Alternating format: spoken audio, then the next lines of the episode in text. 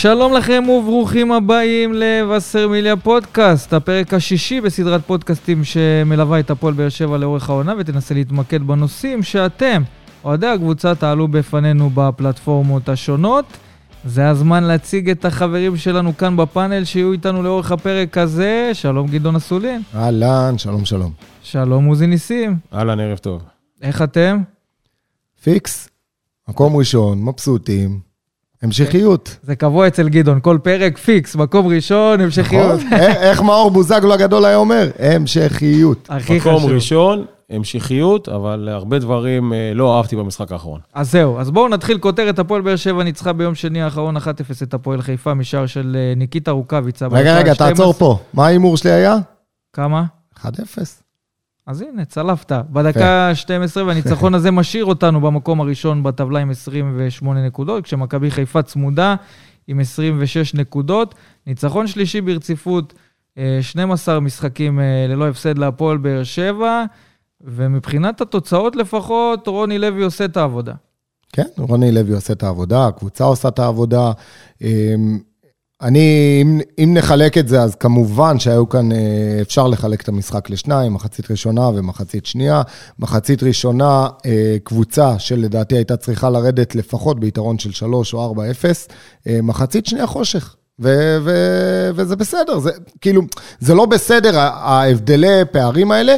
מבחינת רוני לוי, שוב, אני יכול להגיד לטובתו שהוא כן ניסה להשפיע, כן ניסה לעשות שוב שני חילופים כפולים, כמו שכבר התרגלנו בכמה משחקים שהוא עושים. מבחינת מערך, הוא עלה באותו מערך מוצלח מבחינתנו, אה, שמתאים גם למשחק כמו אותו הפועל מערך עם חיפה. שינוי אחד בהרכב, ספורי שחוזר אחרי הרחקה אה, בגלל צהובים מול הפועל תל אביב, הוא למעשה מחליף את אה, דור אה, מיכה בהרכב. דיברנו שבוע שעבר על הביטחון של דור מיכה. אני לא חושב שזה תרם לו הרבה החילוף הזה, אבל מצד שני גם אי אפשר היה להתעלם מספורי. אה, ציפיתי לקצת יותר יצירתיות מה, מהבחינה הזאת של רוני לוי, של איך אתה משמר גם את דור מיכה, שקצת, עוד פעם, לא יכולת כמו שמצפים אז ממנו, אבל לפני, קצת לפני היה איזה שנתעסק פריחה. בדור מיכה, בוא נחזור נכון. רגע ליכולת של הפועל באר שבע, להבדל, אה, פער גדול לדעתי ביכולת בין המחצית הראשונה כן. של הפועל באר שבע למחצית. השנייה, ולא רק במשחק האחרון, גם בקריית שמונה, גם בהפועל תל אביב. זה אנחנו כבר לא כמה רואים פה... משחקים שאנחנו רואים את זה, כבר שלושה משחקים. מחצית ראשונה טובה, כמו שגדעון אמר, יכ- יכלו לרדת ב-2, 3 ואפילו 4, היה שוער צעיר בשער, ואם אני מסתכל על הנתונים של המשחק, שמונה בעיטות למסגרת, שיש לך שוער צעיר, אני הייתי מצפה שיהיה טיווח של השער. אז זהו, אם אתה מחלק את זה לפי מחצית ראשונה למחצית ומחצית שנייה, אז במחצית הראשונה, שבע בעיטות למסגרת של הפועל באר שבע. מתוך 11, ומחצית שנייה, בעיטה אחת למסגרת. בלבד, שבע, שזה... שבע ש, ששלושה או ארבעה מהם זה מצבים בטוחים, כן? נכון, אבל נכון. אתה, אתה מבין את הפער הזה של הפועל מבין באר את שבע מבחינה הפער, התקפית מבין בין את הראשונה הפער. לשנייה. לא, לא תמיד אפשר לנתח את זה, ולא תמיד אפשר להבין מה הסיבות. יכול להיות משני סיבות. לפעמים אתה מרגיש שהניצחון שלך הוא כבר בכיס, ואתה קצת מוריד רגל מהגז. לפעמים זה גם עניין של אה, כושר, שאני לא חושב שזה הסיפור פה בהפועל באר שבע, ולפעמים גם הביטחון נפגע. אתה לא מבקיע, לא מבקיע, לא מבקיע, ואתה תמיד חושש מהשער שתחטוף. אה, הפועל חיפה גם מתעוררת מזה שבעצם היא ניצלה, אה, יצאה, אבל אה, הפועל באר שבע בסוף עשה את התוצאה, זה עדיין סמי עם כל עופר, זה הכבוד. אתה יודע, זה משחקים שאתה צריך להרוג אותם, ואם אתה מגדיר לי נכון, מחצית נכון, ראשונה, זה לא יודעים עם שבע בעיטות למסגרת כמחצית טובה. כשהיית יכול לתת שתיים זה ושלוש, משהו- אז זה משהו שעוד זה צריך משהו ל- לשפר את שב-DNA זה. שלנו שחייב להשתנות, ואנחנו אומרים את זה כבר שנים, גם בתקופות של בכר, גם בתקופות האליפויות. תמיד התקשינו בלהרוג משחקים, תמיד התקשינו, לא היינו, אתה יודע, לא, בסוף לא היינו... למה, אבל עם ברק בכר היו לך היה משחקים לך של חמש גם אחת, הבלחות, אבל גם. שמה- גם שם היו משחקים אבל השנה אנחנו. רואים את זה ברור, את ההבדלים בין המחציות, בין שתי המחציות. אני לא חושב שלאורך כל השנה, בשלושת המשחקים האחרונים לפחות. לפחות גם יותר היו, היו עוד כמה משחקים, אבל גם להגיד ש-1-0, לשמור על 1-0, שראינו את אה, סרדל, אם הבעיטה שלו הייתה הולכת למסגרת, זה היה גול בוודאות, ועכשיו לך תחפש להגיב בש- בשער, וזה לא היה קורה לדעתי. אז חבל, אפשר פה להרוג את המשחק עוד בדקה 25-30. אפשר וצריך. ובוא נגיד את האמת, הפועל חיפה לא היו כאלה הפועל חיפה טובים, היית יכול לעשות לעשות שם מאחרי דברים יותר התבוסה טובים. בדרבי, ראית אבל שהיא קבוצה לפעמים- לחוצה, היא קבוצה בלי ביטחון נכון, עצמי, אבל כל המסירות שלהם הלכו החוצה. היה צריך לנצל את זה, ואולי אפילו לתת פה עם הצהרה הלאה. אנחנו שהנה, אנחנו... וזה, אני לא רואה את הדברים האלה שאני מחפש לראות. נכון, ואני אני חושב, אתה זוכר ב-4-3-3 של רוני לוי בהתחלה, אז היה איזה שיפור מסוים, אחר כך הקבוצה עמדה במקום, ואז ראינו ירידה ביכולת מאוד משמעותית של הפועל נכון. באר שבע, ואני מזהה תהליך יחסית די לא, דומה. לא, זה מהר מאוד לנתח את זה. אני, אני, לא, לא, לא, אני- ברור, ברור אני- שזה מהר מאוד לנתח את זה, אבל אני רוצה לראות את הפיצוץ הזה. אני רוצה נכון, לראות את הפועל באר שבע מתפוצצת, ואני- ואולי במשחק הבא מול הפועל נוף הגליל, זה המבחן של הפועל באר שבע, להראות אם היא אני- מסוגלת אני לא- ויכולה. אני לא חושב, אני לא, אני, תראה, אני, אנחנו לא שמים לב, אבל אנחנו משבוע לשבוע אומרים, הנה, זה המבחן וזה המבחן, וזה המבחן בסמי עופר, וזה המבחן מול גדולה, וזה המבחן מול קטנה, וזה המבחן... בואו נפסיק לבחון. אני חושב שהפועל באר שבע במקום, במקום הראשון בזכות, בסדר? גם אם היכולת לא תמיד נוצצת, וגם אם היכולת לא תמיד מבריקה, מבחינה טקטית אנחנו כן, אבל עומדים אתה נכון. רוצה לראות קו התקדמות מסוים. ברור שאנחנו רוצים, ברור שאנחנו רוצים, אנחנו צריכים גם לקחת בחשבון אה, עוד איזה משהו. הפועל באר שבע מקבלת, בגלל סדר ההגרלות, אנחנו מקבלים תמיד את הקבוצות, אחרי שתי סתירות גדולות, או אחרי שני משחקים קשים מאוד, חיפה. של מכבי תל אביב ומכבי חיפה. נגדנו הם מגיעים במצב שהם רוצים לשמור על הכבוד. ו- ו- ולפעמים גם, אנחנו לא רואים את זה, אבל לפעמים זה הרבה...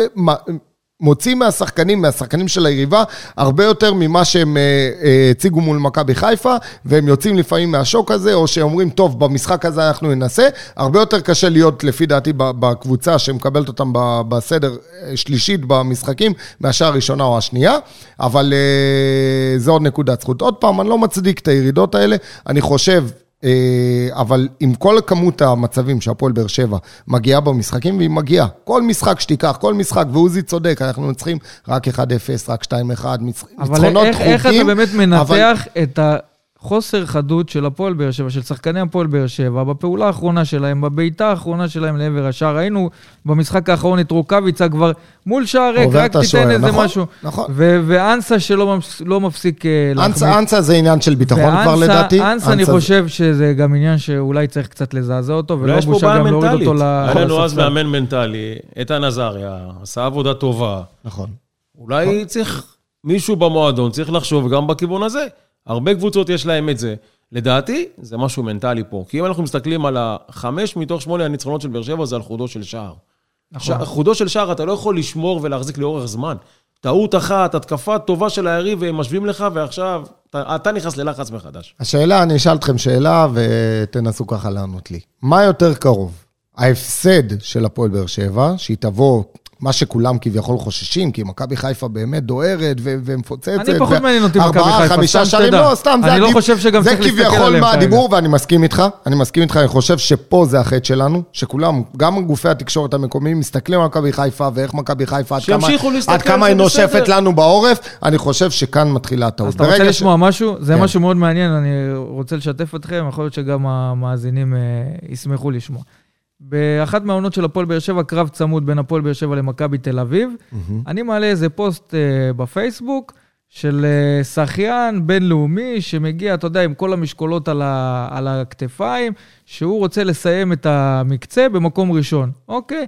עכשיו הוא, תוך כדי המק, המקצה שחייה, הוא סוחב וכל כמה מטרים מסתכל מה קורה עם השני, עם ההוא שמתחרה מולו. בסופו של דבר, האנרגיה שהוא איבד על זה שהוא מסתכל מה קורה עם השני, עלתה לו בניצחון. עלתה לו חד בניצחון, משמעית. וזה מה שהיה אז בין מכבי תל אביב להפועל באר שבע, וברק בכר לקח את הפוסט הזה, הראה אותו לשחקנים בחדר הלבשה ועשה להם באמת שיחה על העניין הזה, שלא צריך להסתכל על מה קורה ביריבה, תסתכל על מה שקורה אה, אצלך בבית ועל ה, על היכולות וקיבלת שלך מענק לעשות איזה משהו. מענק ניצחון אחרי זה? לא קיבלתי כלום, אבל עזוב שיפוד אותך. מילואה איתה. אבל אני חושב שגם עכשיו צריך להסתכל נטו על הפועל באר שבע, ולא לחשוב יותר מדי רחוק אבל- על האליפות, לראות איך אנחנו משתפרים ממשחק למשחק ואיך אנחנו עושים את הדברים אבל נכון. העבר- והעברת ו- את מה שרציתי, את המסר שרציתי בצורה הכי מטאפורית ויפה שיש, אז אה, שאפו גדול, זה מה שהתכוונתי. לא מסתכלים, לא מעניין אותנו, הפועל באר שבע עושה את העבודה, נוצצת, פחות, יותר.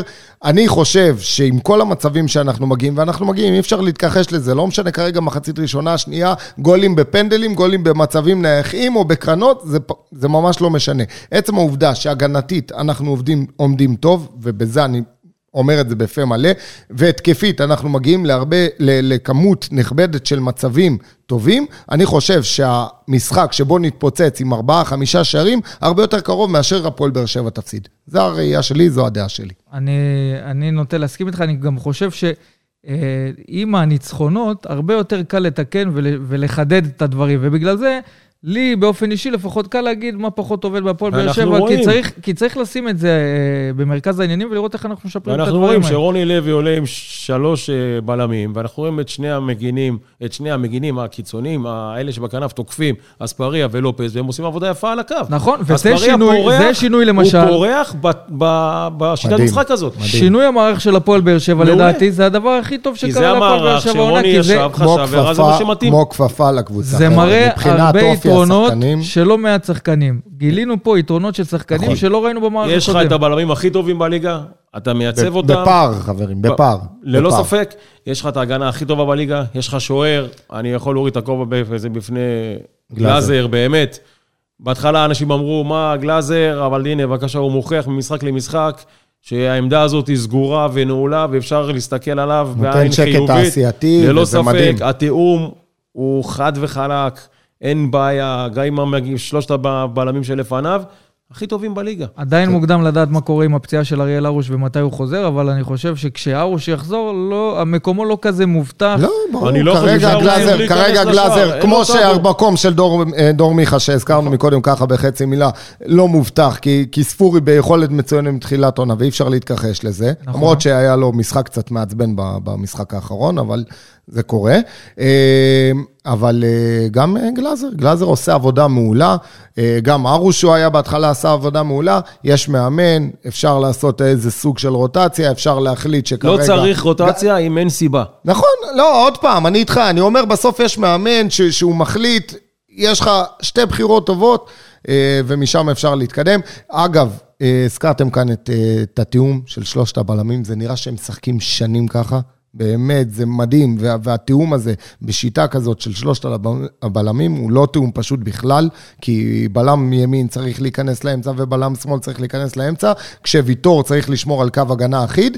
אני חושב שהתיאום כאן הוא מופתי ויפה לראות את זה. לפחות מבחינה הגנתית, הגנתית הפועל באר שבע יכולה להיות uh, די מרוצה, אבל מבחינת ההתקפה יש כמה חידודים שצריכים לעבוד עליהם. צריך להיות יותר חדים, כן. להיות יותר חדים, להיות יותר מרוכזים. יותר מרוכזים ויותר רגועים. קילרים. וגם אולי פחות לפרגן, יוסיפי שם נכון, פרגן, נכון, הוא היה צריך לקחת את נכון. הבעיטה על קו ה-16. גם נגד הפועל תל אביב, דור מיכה מסר לזה, ועוד פעם אנסה, ועוד פעם אה, רוקאביצה, מסכים איתך. יתר פרגון, קצת חוסר ביטחון של חלק מהשחקנים בחלק הקדמי. אני כן רוצה להתייחס רגע לנקודה של אה, יוג'ין אנסה, שזה לא משחק ראשון שלו שהוא מגיע למצבים קורצים מול השאר, ובסופו של דבר לא מסיים אותם ברשת, והיה יכול להיות לפחות עם שלושה, ארבעה שערים כבר רק על ההזדמנויות שהוא עשה במשחקים האחרונים. השאלה אם באמת, לגבי אנסה, אולי זעזוע בדמות של אה, לשים אותו על הספסל במשחק הבא, יכול לזעזע אותו מעט, ואנחנו נראה אותו במשחק שלאחר מכן אה, קצת יותר מפוקס, או שזה פגיעה בביטחון, פגיעה נוספת. איך אתם רואים את הדברים? לא, אני, אני חושב שעוד פעם, אתה, בסופו של דבר, הוא כרגע נראה עם ביטחון מאוד מאוד ירוד, כי כשאתה מול שוער והכדור קופץ לך לרגל ימין, ורק תיתן לו את הפצצה הזאת לפינה, או במשחק הקודם שהוא נוגח, אז הביטחון הוא ירוד, אה, דיברנו על זה, ברגע ש, ש, שייכנס לו הגול, גם אם זה גול דרדלה, הביטחון שלו ישוב, הוא יהיה קילר מול השאר, כמו שראינו אותו בתחילת העונה. אה, יש לנו צפיפות בחלק ההתקפי מבחינת שחקנים איכותיים, יש לך גם את שכטר, גם את יחזקאל, אתה יכול אה, גם את רוקאביצה, כמו שאמרנו, חתואל, שבכלל כבר לא נספר. יש לך, אותנו, יש מה לך, קורה עם חתואל? יש לך רוטציה ונכון להשתמש בה, במיוחד במקרים כאלה, וזה בסדר, זה יעשה טוב לשני הצדדים. מצד אחד, הם, שיח, שהם ירגישו שהם חלק מהרוטציה וחלק מה... שלוקחים אותם בחשבון, והם יכולים בהחלט להיות גם בהרכב הפותח, ומצד שני, גם יוג'ין אנסה, שזה לא מובן מאליו להחטיא ב... ב, ב בסיטונאות, מה שנקרא. טוב, בוא נדבר על uh, כמה נקודות uh, יחסית uh, מעודדות בהפועל באר שבע. קודם כל, ניקיטה רוקאביצה כבש את שערו החמישי מדהים, בשישה מדהים. משחקים. מבחינת מספרים עד עכשיו הוא מצוין. מדהים. הוא השווה הזה... שיא מועדון של ארבעה משחקים רצופים. של? וואקמה. יפה מאוד. אתה מבין? אז מבחינת מספרים... והוא ישבור אותו שם, ביום ראשון. והוא יכול להיות גם עם יותר, שמה, עם יותר מכונת, שערים. מכונת שערים רוקאביצה, זה, זה, זה החלוץ שפיללנו לו במשך שנים לדעתי, החלוץ ש...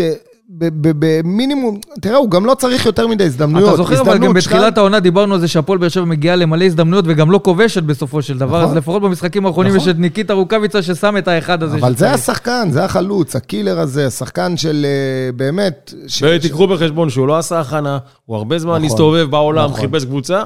מי יודע מה יכול להיות, אבל קיבלנו אותו, הוא בכושר טוב, הוא מגיע לשער, הוא יודע לעשות את העבודה שלו, ושאפו, רק שימשיך ש- ככה. כמו שג'ורדי קרויף בז- בזמנו ויתר על מהרן רדי, אני חושב שמכבי חיפה כאן עשתה טעות גדולה, אבל בסדר. מריה- אנחנו לא כועסים. לא כועסים, מקבלים באהבה, בפרחים. מריאנו בררו נבחר למצטיין של אוהדים, מוביל במסירות ומאבקים מוצלחים. גם עליו דיברנו בשבוע שעבר, גדעון, על החשיבות שלו, על היציבות שלו ועל זה שהוא לא מאכזב ו- והוא סוג של אה, בנקר בהרכב של אה, רוני לוי. ו... והוא ממשיך את היכולת שלו, רק שהפועל באר שבע במשחק הבא תצטרך להסתדר בלעדיו, ויהיה מעניין לראות מה... מי יחליף אותו והאם יימצא מישהו שיעשה את העבודה שלו.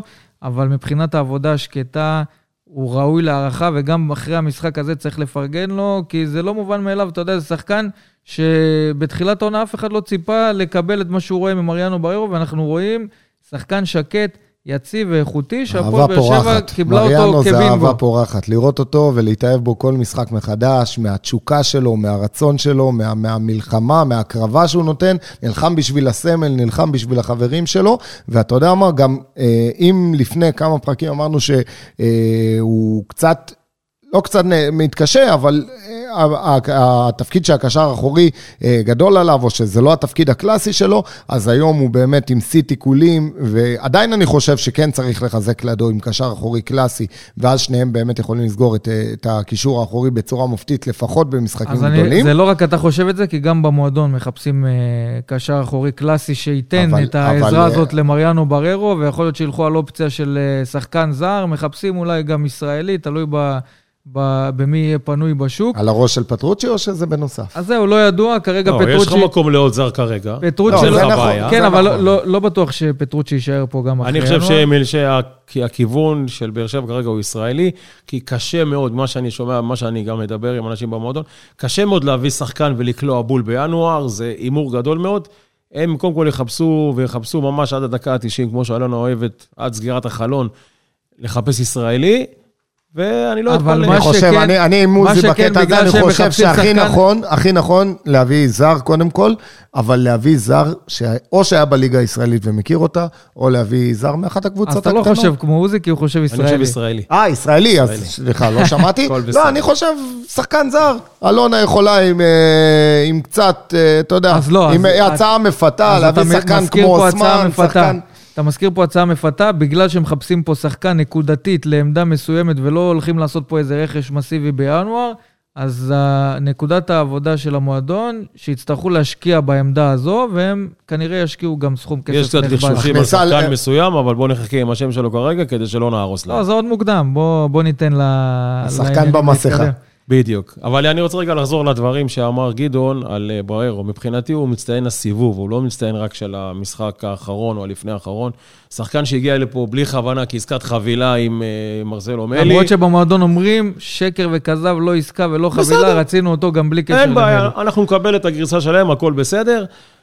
שחקן באמת שנותן הכל, ואם פה גדעון הזכיר שחקן של מועדון, של הסמל, זה בהחלט הגיע לאותם, זה התחבר לי לאותם שחקנים של שנות ה-70 שהגיעו במשחק האחרון, ראית שם שחקנים ששיחקו באמת בשביל הסמל, בשביל המועדון, שאז לא היה את הסכומים שיש היום, וזה שווה ערך בעיניי לבריירו, שחקן זר, שנה שנייה בארץ, באמת, שאפו, ישראלי כבר לא זר, אבל אה, באמת, בחירה רק שישאר אותנו לדורות, ובאמת אחלה שחקן. יש לנו מזל, עם, יש. לנו מזל עם המשלוחים שמגיעים בטעות. גם אובן- גם אובן לא היה בתוכניות מההתחלה, אתה זוכר את זה? כן, הוא גם הש- שחקן צעיר, הוא לא שחקן נכון, מבוגר, נכון. אגב, מה. דיברנו על זה ואני לא זוכר מה, מה הסטטוס שלו, ושאלו אותי ולא ידעתי לענות, אז אולי באמת אה, נעשה סדר. הוא יכול להיות מוזמן לנבחרת?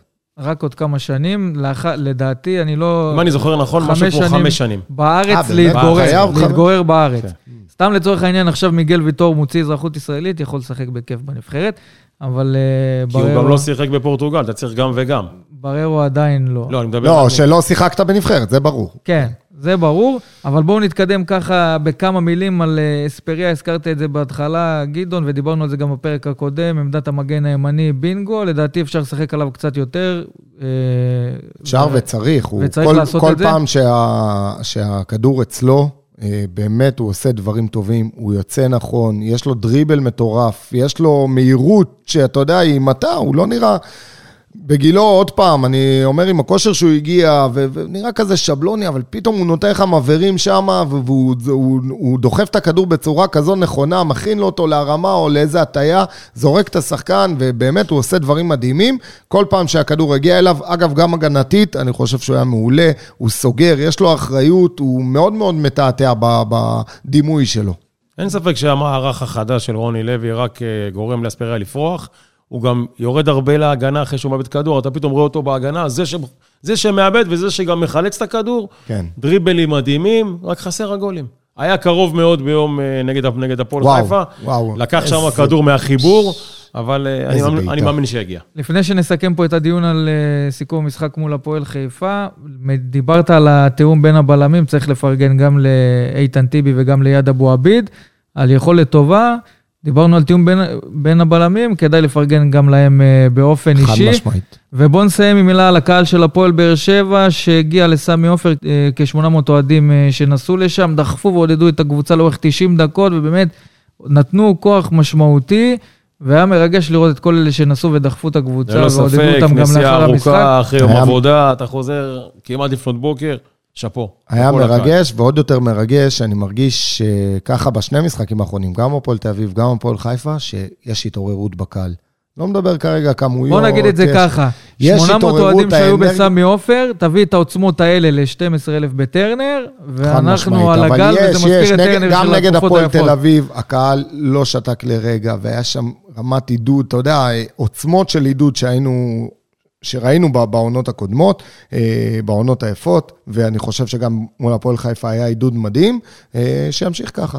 דיברנו קצת על המשחק מול הפועל חיפה, בואו נעבור למישהו שמזוהה גם עם הפועל חיפה וגם עם הפועל באר שבע נכון לימים אלה. או-אה, מי זה? מי זה? הופה. מי זה? הנה, אם התעוררו, קבלו רמז, זה לא הזיקית. יאללה, תעשו חימום. אז אתם מוכנים? כל הכוח. יאללה, בואו נקבל יאללה. לפה את בלם הפועל חיפה ולשעבר הפועל באר שבע. לא הייתה, אהלן, ערב טוב. אהלן חברים, ערב טוב. מה שלומך? וואלה, ברוך השם, הכל טוב, תודה לאל. התגעגענו, לא, התגעגענו. תאמין לי, אני יותר. קודם כל חשוב להגיד אה, בריאות והחלמה מהירה, זה משהו שאנחנו מבקשים לשלוח לך בימים האלה. איך אתה באמת מרגיש ב- בתקופה הזאת שאתה משתקם מפציעה? קודם כל, תודה רבה. ברוך השם, עובדים קשה, תאמין לי, אתה יודע, דברים כאלה, רק כי אנחנו יוצאים מחוזקים ויותר חזקים. לא קל, אבל אתה יודע, זו תקופה, עניין של זמן, נעבור את זה בעזרת השם ונחזור אה, בכל הכוח. הפציעה הזאת בעצם, אה, לואי, באה לך בתחילת העונה, למעשה סוג של אה, הרסה לך את התוכניות, אתה מרגיש איזו תחושה של פספוס, כי אנחנו רואים שהפועל חיפה פתחה די טוב את העונה, ויכול להיות שהיית יכול להוסיף להם מבחינה מקצועית. תשמע, אנחנו בני אדם מאמינים, אחי, זה הכל מלמעלה, הכל מכתוב, כמו שאומרים, אנחנו, אתה יודע, צריך אה, לקחת את הדברים אה, בצורה חיובית, ואתה יודע, לא לחשוב יותר מדי רחוק ולהכניס דברים שליליים לראש. זה חלק מהמשחק, הפציעות, אין מה לעשות, אה, אף אחד לא אוהב להיפצע ולהיות בחוץ ולראות את החברים שלו על המגרש, אתה יודע, משחקים. אבל uh, אתה יודע, אנחנו עובדים קשה, נחזור בעזרת השם, ומאחל לחברים שלי באמת שייסעו מהמשברון הקטן בשלושה של המשחקים האחרונים, כי יש לנו באמת קבוצה טובה ושחקנים מנוסים שיעשו עונה טובה. לא היה הזכרת- כן, כן. לא היה ערב טוב. אחרי, ערב אחי. אחרי הפציעה שלך, אתה לא חושב שבהפועל חיפה היו צריכים להביא בלם? כי הפציעה שלך היא לא לשבוע, שבועיים, זו פציעה קשה, פציעה ארוכה. כי אתה, גם כשהיית בהפועל באר שבע, היית העוגן של ההגנה, והרבה בנו עליך בחיפה, כי בעצם כולם יודעים מי זה לא הייתה. לא חושב שהיה איזה טעות בתכנון לא להביא בלם? תשמע, אין ספק שכל הקיץ אה, היה משא ומתן ארוך אה, יואב כץ ואלישע עד שחתמתי בהפועל חיפה, פנו עליי אה, הרבה, אבל לצערי נפצעתי, שזה חלק מהמשחק, לצערי ולצערי הפועל והאוהדים של הפועל. אה, הביאו בלם, אנטוני, בלם טוב, התחבר בצורה טובה, בצורה חיובית. מבקיע שער אתה יודע, טוב. כדורגל... אה, לא משנה, זה, זה, אתה יודע, זה, זה, זה לפעמים... זה חלק מהמשחק. אבל הוא בלם טוב, כאלה. חושב- בטח, בטח, כל אני חושב שיחד עם- טוב. כן. אני חושב שברגע שאתה תחזור, ואני מאמין שאתה תחזור, אתם תהיו צמד בלמים טובים, כן, כי נכון. אנחנו יודעים מה אתה שווה, ואתה יכול להקרין הרבה הרבה על, ה, על ההגנה של הפועל חיפה, שראיתי אותה ביום אה, ראשון, באמת, הרבה הרבה גם חוסר ביטחון יש בהגנה הזאת כרגע.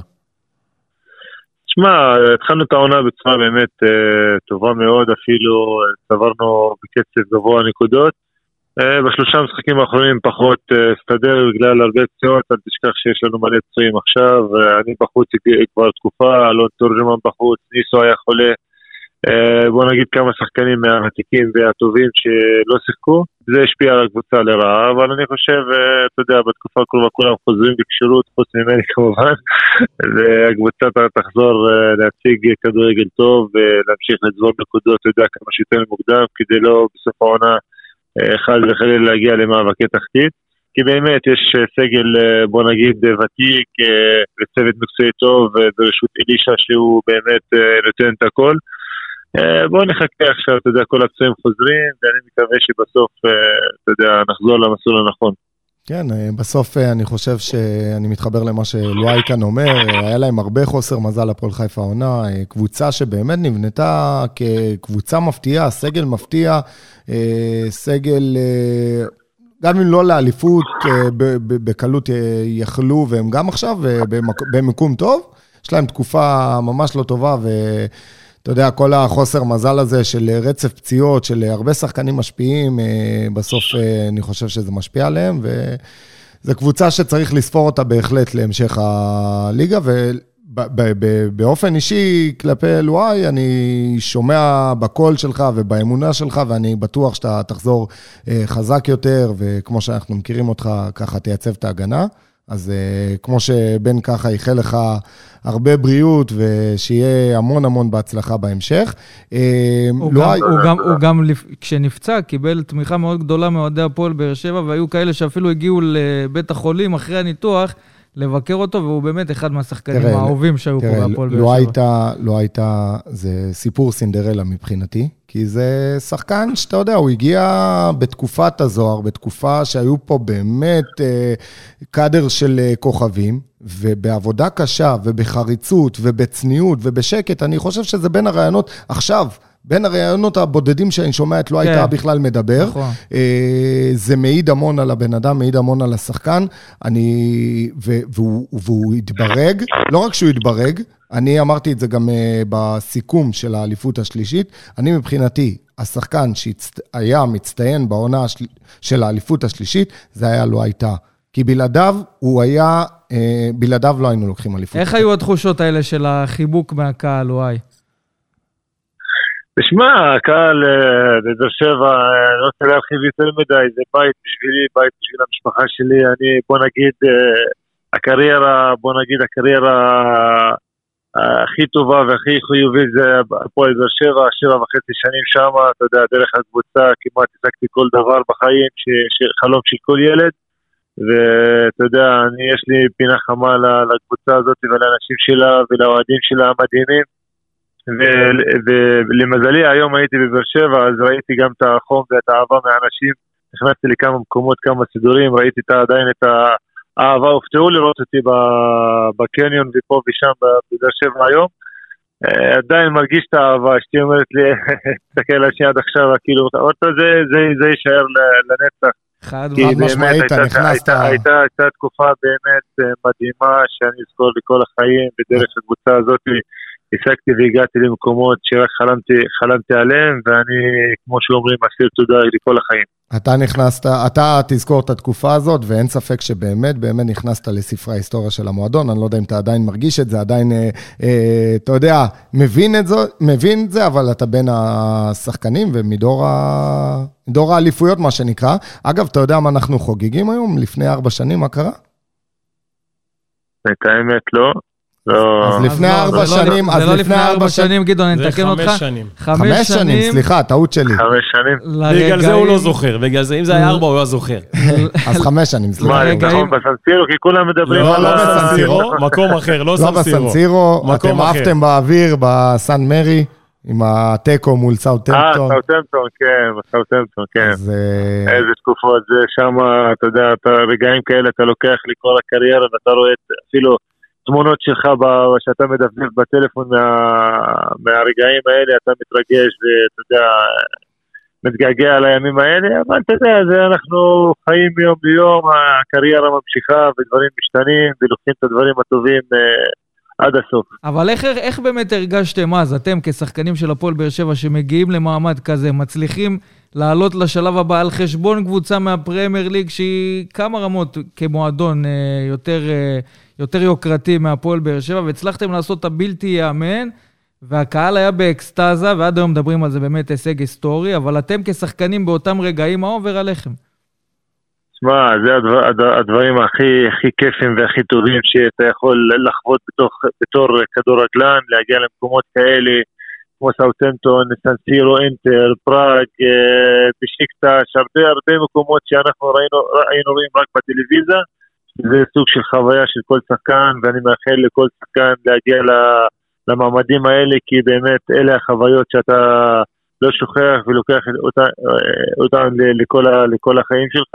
וכל פעם שאתה רואה את זה בטלוויזיה או במדיה היום, אתה מתרגש מחדש כמו ילד קטן. זה היופי בכדורגל, באמת שדברים נשארים לנצח, והפועל באר שבע עשינו שם שנים באמת מדהימות, והלוואי, הלוואי בעתיד גם שישחזרו את זה. וזהו, אתה יודע, היום אני בהפועל חיפה, מאחל לקבוצה רק, אה, אתה יודע, רק הצלחה, ושימשיכו לשמור על המקום הראשון ויזכו באליפות בסוף השנה. אז זהו, אתה מאמין שהפועל באר שבע מסוגלת לקחת אליפות העונה? עדיין מוקדם, אה, אתה יודע, אה, עדיין מוקדם, יש עוד אה, עונה ארוכה. אה, אני מאמין, אה, אתה יודע, בינואר גם יעשו בטוח שינויים וזה, אבל יש שלט טוב, שחקנים טובים, עם צוות טוב. אלונה עשתה הרבה שינויים אה, לטובה בקבוצה, ואני, כמו שאומרים, מאחל להם רק טוב, ורק שימשיכו להיות למעלה. תגיד, אם אנחנו נדבר על הפיל בחדר, בוא נגיד את זה ככה, הפרידה שלך מהפועל באר שבע, הרבה אוהדים שואלים אותנו ושאלו אותנו גם לפני שאנחנו הקלטנו את הפודקאסט הזה, האם התאכזבת מהדרך של המועדון בפרידה? כי ידוע, היה פה דיבור בעיר באר שבע שמאוד רצית להישאר כאן, ואתה גם לא מסתיר את זה. לא, כמובן, אמרתי את, אה, את שלי הרבה, הרבה פעמים שרציתי לסיים את הקריירה שלי בבאר שבע. אחד שעבר מווסרמיל האגדי, הצלחות בטרנר, אה, הרבה שנים במועדון, עם, אה, אה, לוקח איתי גם שיא היסטורי שאני השחקן הכי הכי הרבה הופעות במשחקים באירופה, שהרגשתי שבאמת המקום הזה בשבילי עד הסוף, אני נשאר איתו עד סוף הקריירה. אבל זה כדורגל, אתה לא יודע מה, מה מחר מחביא לך, ובסוף החלטנו שניפרד בצורה חיובית, בצורה טובה, כל אחד ימשיך בדרך שלו, ושמרתי על קשר uh, טוב מאוד uh, עם כולם שם, עם הרבה שחקנים, עם הצוות, עם אלון הבעלים, עד היום אנחנו מדברים, ואתה יודע, מתייעצים פה ושם. אז זה מה שטוב, שהכל נגמר בצורה חיובית. אכזבתי שלא המשכתי בבאר שבע, רק כי חלמתי לסיים את הקריירה שם, כי שמה... בבאר שבע באמת נולדו לי שלושה ילדים, זכיתי באלופיות, גביעים, כל מה שחלמתי. אז בסוף, אתה יודע, בוא תפקשש בסוף, אבל לא נורא, אנחנו בני אדם, אתה יודע, לוקחים את הטוב, את הדברים השליליים, זורקים בפח וממשיכים קדימה. אתה יודע מה, לואי, אם עד היום אהבתי אותך כשחקן, אז היום אני גם אוהב אותך כבן אדם, איזה דברים, איזה... אתה יודע, כן. בצורה נכונה לקחת את הדברים, לא כל אחד לוקח את זה, זה לא מובן מאליו, בסוף נפרדים, בסוף זה, זה מאכזב, בסוף... והוא לוקח את הדברים בצורה נכונה, גם את הפציעה, גם את העזיבה, לא, גם את באמת, עזוב ההתקדמות. כדורגל, אני מדבר, אני לא מדבר גם על כדורגל, כדורגל זה דבר שהיה בטבע שלנו, כל יום, כאילו לקום בבוקר ולהגיע למועדון, פתאום אין לך את זה, אז אתה מרגיש משהו חסר. כן, אבל על אתה עדיין מסתכל ש- על זה שאני- בפרופורציות ו- ו- ו- ובוחר להסתכל על הדברים הטובים ועל הדברים, בוא נגיד, על הזמן משפחה שיש לך יותר היום וזה, וזה בכלל לכל בן אדם בחיים, זה... זה משהו שאפיין אותו. לכל אורך הקריירה, וגם כאן בתקופות של הפועל באר שבע לא תמיד היה פה הכל ורוד, אתה יודע, שחקנים מקצוענים שמתחרים לפעמים על מקומות בהרכב, ולא שמענו איזה דברים נכון. דרמטיים, ו- והוא שחקן של מערכת ושחקן שנותן אה, הכל למען הקבוצה והמועדון. אבל אה, ככה לפני סיום, לואי, אם אתה זוכר, אני לפחות זוכר, שבמהלך הקריירה שלך כאן בהפועל באר שבע, קיבלת איזושהי הצעה מהליגה השוויצרית, בסוף זה לא כל כך יצא לפועל, אבל יש איזה אה, תחושת החמצה שלא יצאת לחו"ל, ואולי, אתה יודע, להגשים איזה חלום של אה, כל שחקן, אני חושב, בארץ? ברור, כל שחקן יכולים להגיע לאירופה ולהגשים חלום לשחק בחו"ל, אה, שם התפקשש כי באמת, אה, לא יודע אם התפקשש או בסוף רציתי להישאר בקבוצה כי היה לי טוב בהפועל באר שבע ואומנם שם ויתרתי על כסף, היה לי חוזה כמעט מוכן רק לחתום ובסוף שדרגתי את החוזה לבאר שבע ונשארתי לעוד ארבע שנים. אה, בסוף אה, יצא לטובה כי זכיתי בעוד שתי אלפיות, ואתה יודע, אני שמח על הבחירה הנכונה ש... שעשיתי ולא עזבתי את המועדון, כי בשנים האלה באמת, כמו שאתה אמרת וחברים, שבאמת אה, עשינו היסטוריה גדולה, וכל השחקנים שהיו בשנים האלה נכנסו לספרי ההיסטוריה, ודברים כאלה, אתה יודע, לוקח לכל החיים. וגם רציתי להגיד שלא רק כדורגל, גם ב- אה, שאמרתי שעזבתי, אני עזבתי כאילו בתור אחד שהרגיש בין המקום, כאילו בין באר שבע, אפילו המשפחה שלי, הילדים שלי אפילו, עד היום שעולים... אה, ביתר הגדול, מי לא מכיר אותו? אתה מבין? היום אז הוא התרגש, חזרנו לאיפה שגרנו בבאר. שבע הרבה שנים ברמות, והוא התרגש, ומתי חוזרים, ומתי זה.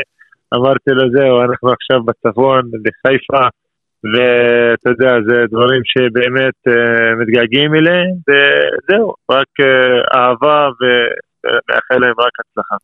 לואי, שאלה, אני יודע שהיא קשה, אבל עדיין אני מבקש תשובה. תאמין לי, מה שעברתי בקריירה, אין- דבר קשה בחיים. זה הכל נכון. בראש.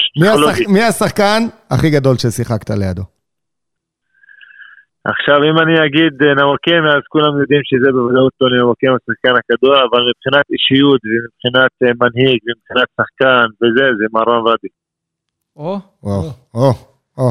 אני... כולם כמובן אני די מתחבר, לא, אני די מתחבר, כי מהרן מבחינתי זה אחד לא, השחקנים שאני טוני, הכי אוהב. טוני, כולם יודעים, טוני, כולם יודעים באמת שהוא כוכב על והוא עשה שלוש שנים מדהימות שכמעט אה, הביא אליפיות לבאר שבע, אבל בתור אחד, בוא נגיד, השחקן הקצת פחות אה, באור הזרקורים ובאמת עשה עבודה גם מחוץ למגרש, גם בתמיכה, בוא נגיד, בעיר, בדברים אחרים, חוץ מכדורגל, שזה אתה מרגיש שהוא ג'נטלמן אמיתי, ואני למדתי ממנו ולקחתי הרבה דבר- דברים ממנו, שזה מהרן רדי, באמת, לא בגלל שהוא חבר שלי, כן, אבל uh, מי שהיה קרוב איתו ויודע מה הוא עשה ומה הוא שווה ומה הוא תרם, יודע איזה בן אדם ואיזה כדורגלן גדול הוא. אז זהו, עכשיו הוא הרים לנו להנחתה על מהרן רדי, כי אולי נזמין אותו לפודקאסט בפרק הבא. אתה יודע מה, אחלה חייב מרואיין. לשמוע מה קורה נכון? איתו. דיברתי איתו, תסתכל איזה בן אדם ווינר, לפני שנתיים שהיה בסכנין והיה כל הבלאגן, ואמרתי לו, מה, זהו, אתה פורש?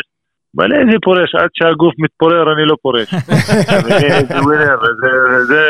זה שחקנים ש- שהילדים היום שמסתכלים עליהם ורואים את ההיסטוריה, זה, זה אנשים שצריכים ללמוד מהם ונותנים השראה לילדים של היום. באמת, אה, שחקנים שהיום בדור הנוכחי אני פחות אה, מתחבר ורואה שאין את הווינריות ואת האופי שלהם. היום העידן היום השתנה קצת, ואתה יודע, בעידן המדיה החדשה והאינסטגרם והפייסבוק וזה, נכון. זה הכל השתנה. זה לא כמו פעם הדור של אליניב ברדה, של מליקסון, של אובן, של ואדי. אני בסוף אה, טעמתי את כל הטוב הזה בקריירה שלי איתם, ששיחקתי והייתי לידם, אז אני צברתי מהם הרבה, הרבה דברים חיובים. וזה עזר לי בקריירה, ת, תגיד שהגעתי בתור ילד לבאר שבע, אז הם, כל החבר'ה האלה שהזכרתי, באמת רק uh, לומדים מהם ומתקדמים. ומאחל לכל שחקן להיות בסביבה שחקנים כאלה. לא, התאמנת גם אצל רוני וגם אצל אלישע. מה, מה ההבדלים המהותיים ביניהם? בשיטות האימון, בסגנון? שמע, עברתי במהלך הקריירה הרבה מאמנים, גם ברק, גם יוסי. כל אחד יש לו את השיטה שלו, כמובן, וכל אחד אה, מביא את הדברים, שהוא- איך שהוא רואה על המגרש. אה, אי אפשר לה- להגיד אה, אם זה יותר טוב, פחות טוב, אבל כולם מאמנים ברמה באמת גבוהה, כולם למדתי כולם היה לי קשר טוב איתם, אף אחד אף פעם לא היה, אתה יודע, טאקל. אז כל אחד, בוא נשמור על הכבוד של כולם, שבאמת עשו משהו בכדורגל הישראלי, ובאמת... אה, אה, לא צריך להרחיב יותר מדי, מאחל להם רק בהצלחה כולם. טוב, אז לסיכום, מתי אתה מזמין אותנו למנגל, וואי. וואלה, בינתיים, אתה יודע, בתקופה הזאת אני בונה את הבית שלי בצפון, אז מתי שיהיה מוכן, אתם כל באר שבע מוזמנים על מנגל וכמה כבשים נשחט ביחד. אין בעיה. יאללה, לא-. לא סתם פתחו לך דף פייסבוק, לא היית עושה עליהם. אני אקנה את זה, אני מי ש... אני לא מכיר את הבן אדם שמנהל את הדף, אבל אה, אני מציע לקנות את זה בכסף ולשדרג את זה, לפתוח אה, משהו בסגנון. איזה מלך. האמת שאנחנו חייבים להגיע לטום איך הבשר בצפון, נראה לי שלואי אה, יארח אותנו כיד המלך, אבל... לא, גם ראיתי שלפעמים היה קצת אה, מסתלבטים וזה, אני לוקח הכל בהומור. לא, ככה צריך, וזה חלק-. אתה יודע מה אומרים, אין פי... לפעמים מגיב וזה, הכל טוב, אנחנו בני אדם, בסוף, אתה יודע, אנחנו חיים ולא נשארים לנצח, אז צריך לקחת הכל באיזי, הכל בשואו, הכל בכיף, אה, לא צריך אה, יותר מדי לעשות מזה רעש. נכון, אתה רואה? זה הבן אדם. הרבה תובנות, הרבה תובנות יש פה. לא הייתה, תודה רבה שהיית איתנו, היה כיף אה, לארח אותך ולשמוע באמת בכיף, חבר, את הדברים. ורק תודה, בריאות, ורק רק בריאות. ובהצלחה. תודה חברים, ביי ביי.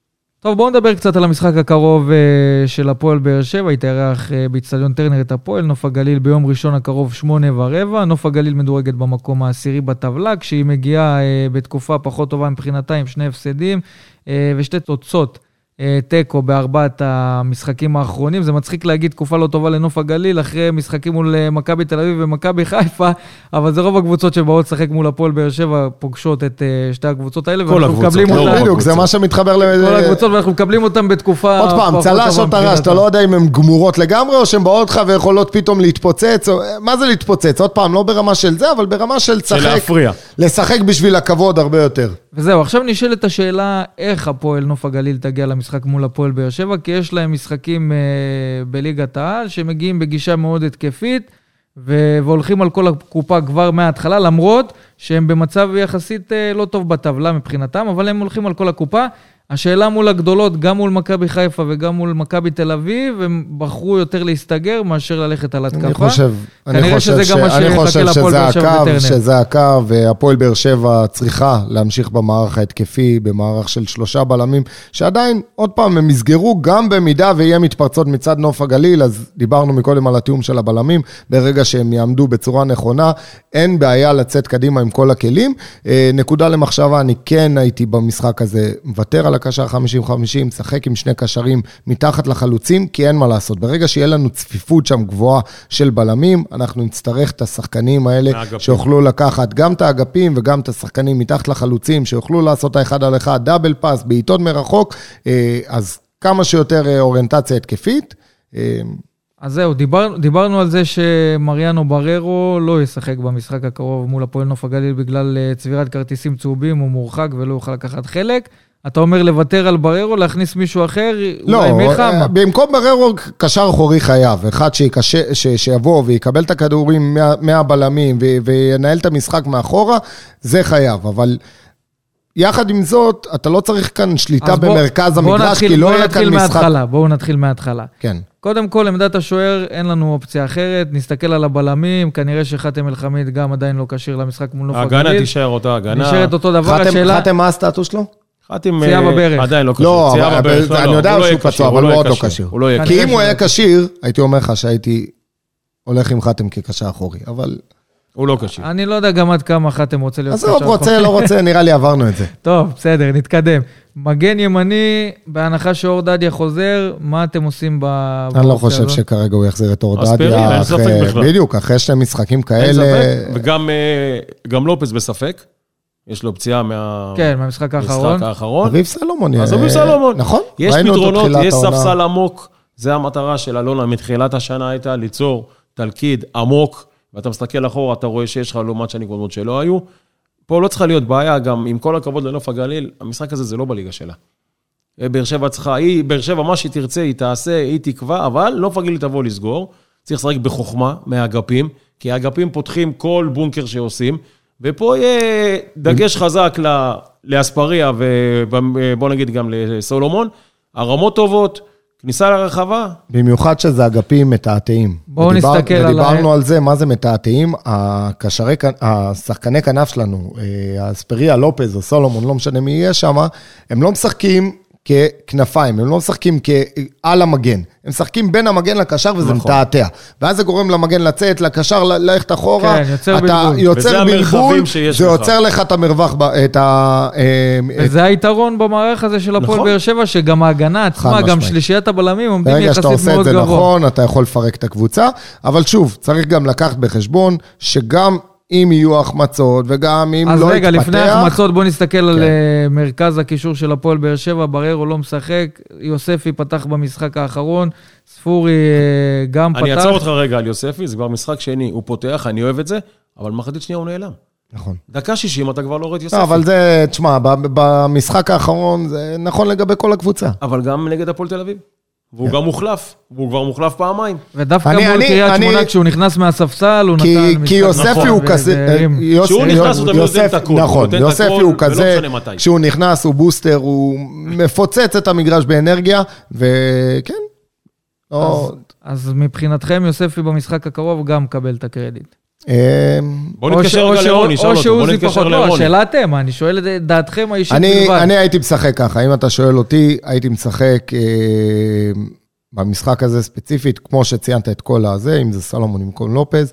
אה, פטרוצ'י, הייתי משחק איתו כקשר אחורי, בהנחה שחתם לא זה, כי לפי דעתי לא, חתם לא יהיה, לעשות. חתם לא בסגל. אז פטרוצ'י הייתי משחק איתו כקשר אחורי. שוב, אולי בין ההזדמנויות האחרונות שזה, והייתי משחק עם אה, דור מיכה ועם אה, ספורי מתחת לחלוצים. חלוצים, אה, אני חושב שיש מקום לשכטר ורוקאביצה, ג'יננסה שיחכה על הספסל. כן? כן. אז אתה גם אומר, זעזוע ככה קטן לא יזיק ליוג'ין אנסה לקראת המשחקים או הבאים. יחזקאל, או שכטר או יחזקאל, אבל אין ספק שצריך כאן איזה שינוי. אז זהו, אנחנו דיברנו על זה שהפועל באר שבע צריכה איזה משחק כזה באמת להתפוצץ. להראות בוא מה- נקווה. להראות מה היא בוא שווה. נקווה שזה יקרה להיות- ביום ראשון הקרוב. יכול להיות שהמשחקים, משחק כזה כמו מול הפועל נוף הגליל, שאנחנו יודעים שגם מגיעה בהרכב יחסית אה, די חסר למשחק הזה, שאלה מה, אם, אם ידעו לנצל את המצבים, כי זה יכול להיות באמת משחק שהוא נקודת בפני צריך, מבחינת הפועל להיערך, לפחות מבחינת צריך. להיערך לסוג של בונקר, בניגוד למה שראינו מול הפועל חיפה ומול הפועל תל אביב, לסוג, גם מול הפועל, אתה יודע, לא ראינו בונקר הרבה זמן שאני חושב אנחנו, על זה. אנחנו ננסה לשאול את ירון הוכנבוים כאן בהמשך, מאמן הפועל נוף הגליל, ננסה לדלות ממנו איך, קצת איך מידע. אתה הולך לעלות מולנו? אוטובוס כן, אחד אבל או שניים? ב style, נעשה את זה ב style. אז זהו, יהיה מעניין לראות איך הפועל באר שבע אה, תתכונן למשחק הזה. צריך ריכוז של רוקאביצה לחצי שנייה והכל יהיה בסדר. תוצאות שלכם לפני סיכום? ניצחון באר שבעי, אין ספק בכלל. תוצאה, תן. תנקוב, תנקוב. 3-0. 3-0, גדעון. פעם שעברה, גדעון צלף פה 1-0. 1-0 מול גם אני צלפתי, נו, זה הכי פשוט. אה, הכי פשוט. עכשיו הוא מעמיד בערכי, נו. חס אבל אני. אוהב אותך. עוזי, אז אני הולך עם עוזי, 3-0. 3-0? ואתה, אתה יודע מה? לא, אני אני אהיה מעניין 4-0. אז אני רציתי להגיד 4-0, אבל אני אלך על 4-1. למה לספוג? למה? יש לך הגנה טובה, כרגע פרגנת.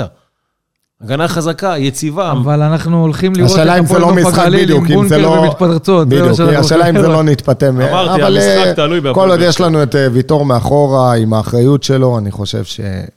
האחד הזה לא יהיה. עוד פעם, נקווה, נקווה, אנחנו... נקווה. יש כאן איזה עם מיאמיק, יש כאן עץ בא- באולפן? אין, אתה מבין, הוא בא פה עם אה, התנסות מאוד גבוהה, עוזי.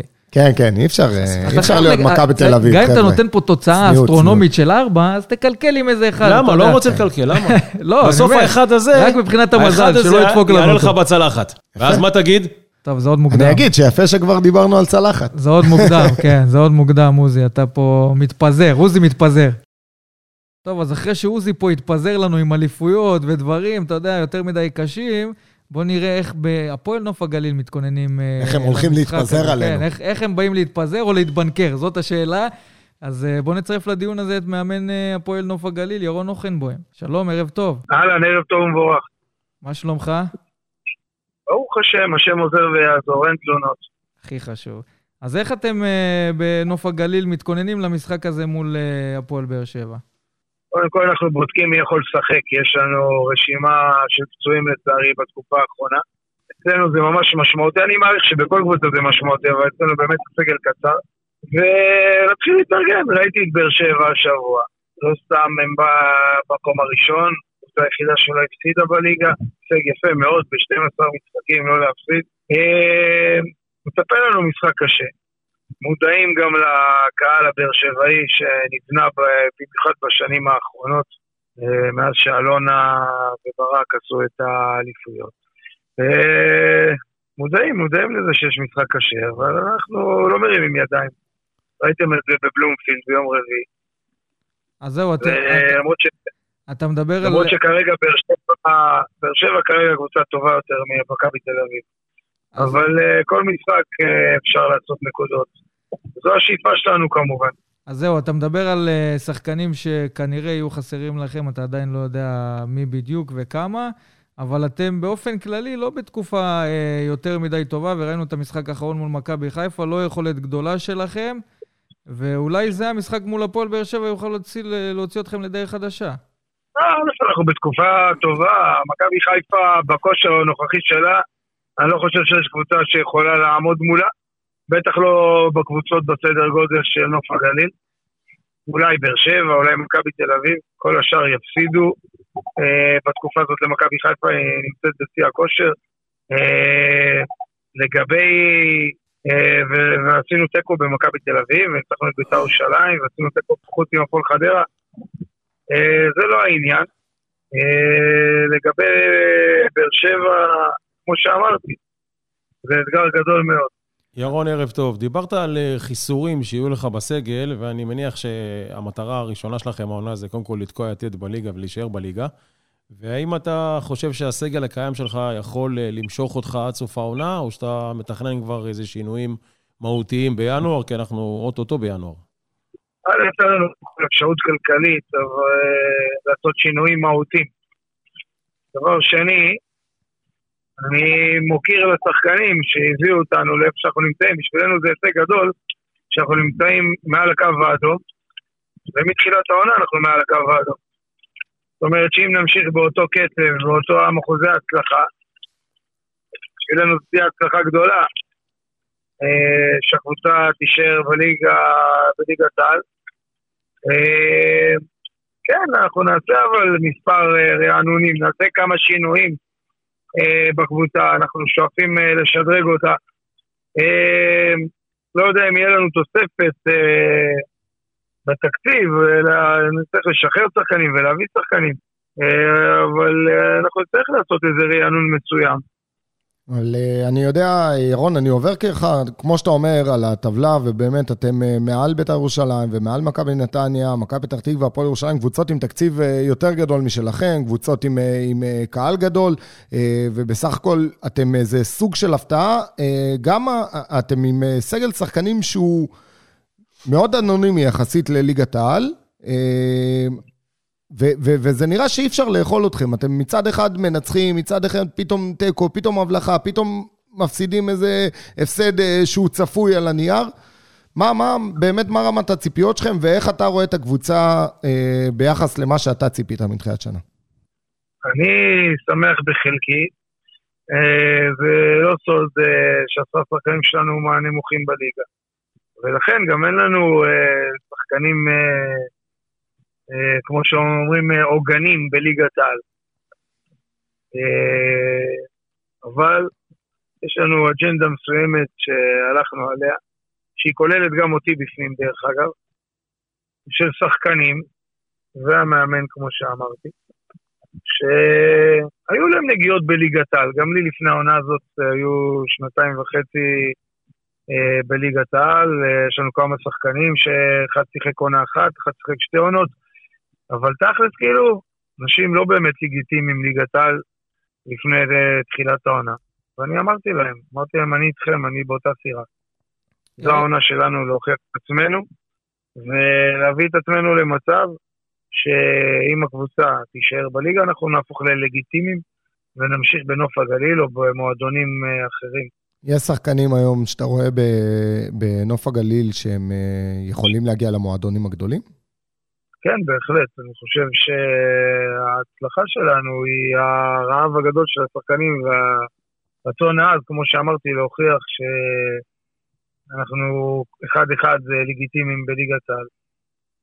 ולכן, אנחנו, אני חושב שיש שחקנים באמת שאולי מפתיעים אתכם, אולי מפתיעים אותנו קצת. אתה מכיר אה, אותם מקרוב. הם שיחקו, הם, תראו, הם שיחקו בליגה לאומית בעונה שעברה, ואף אחד לא חשב שהם שחקני ליגת העל.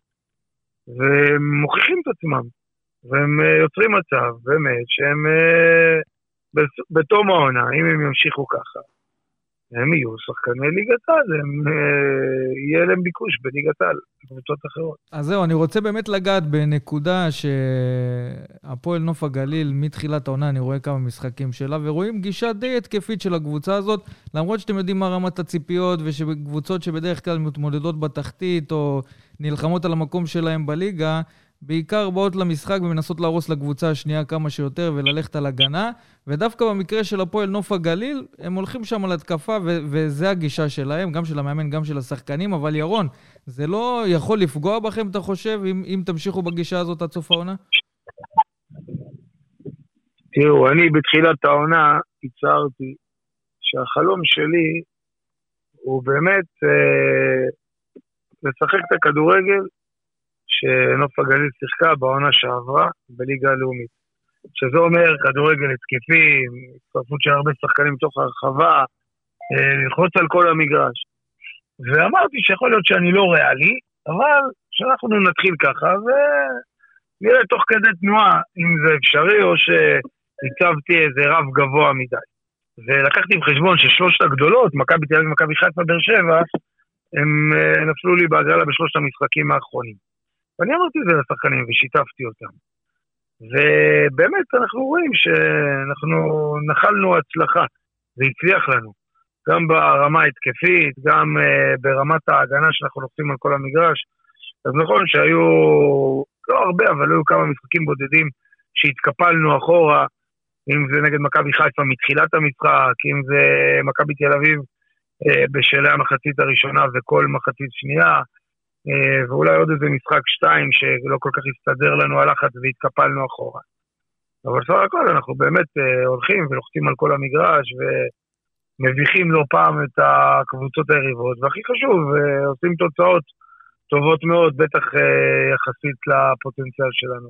איזה, איזה משחק אנחנו נראה ביום ראשון בטרנר לדעתך? אני כבר לא יכול לגלות לכם, כי אתם התחנה של...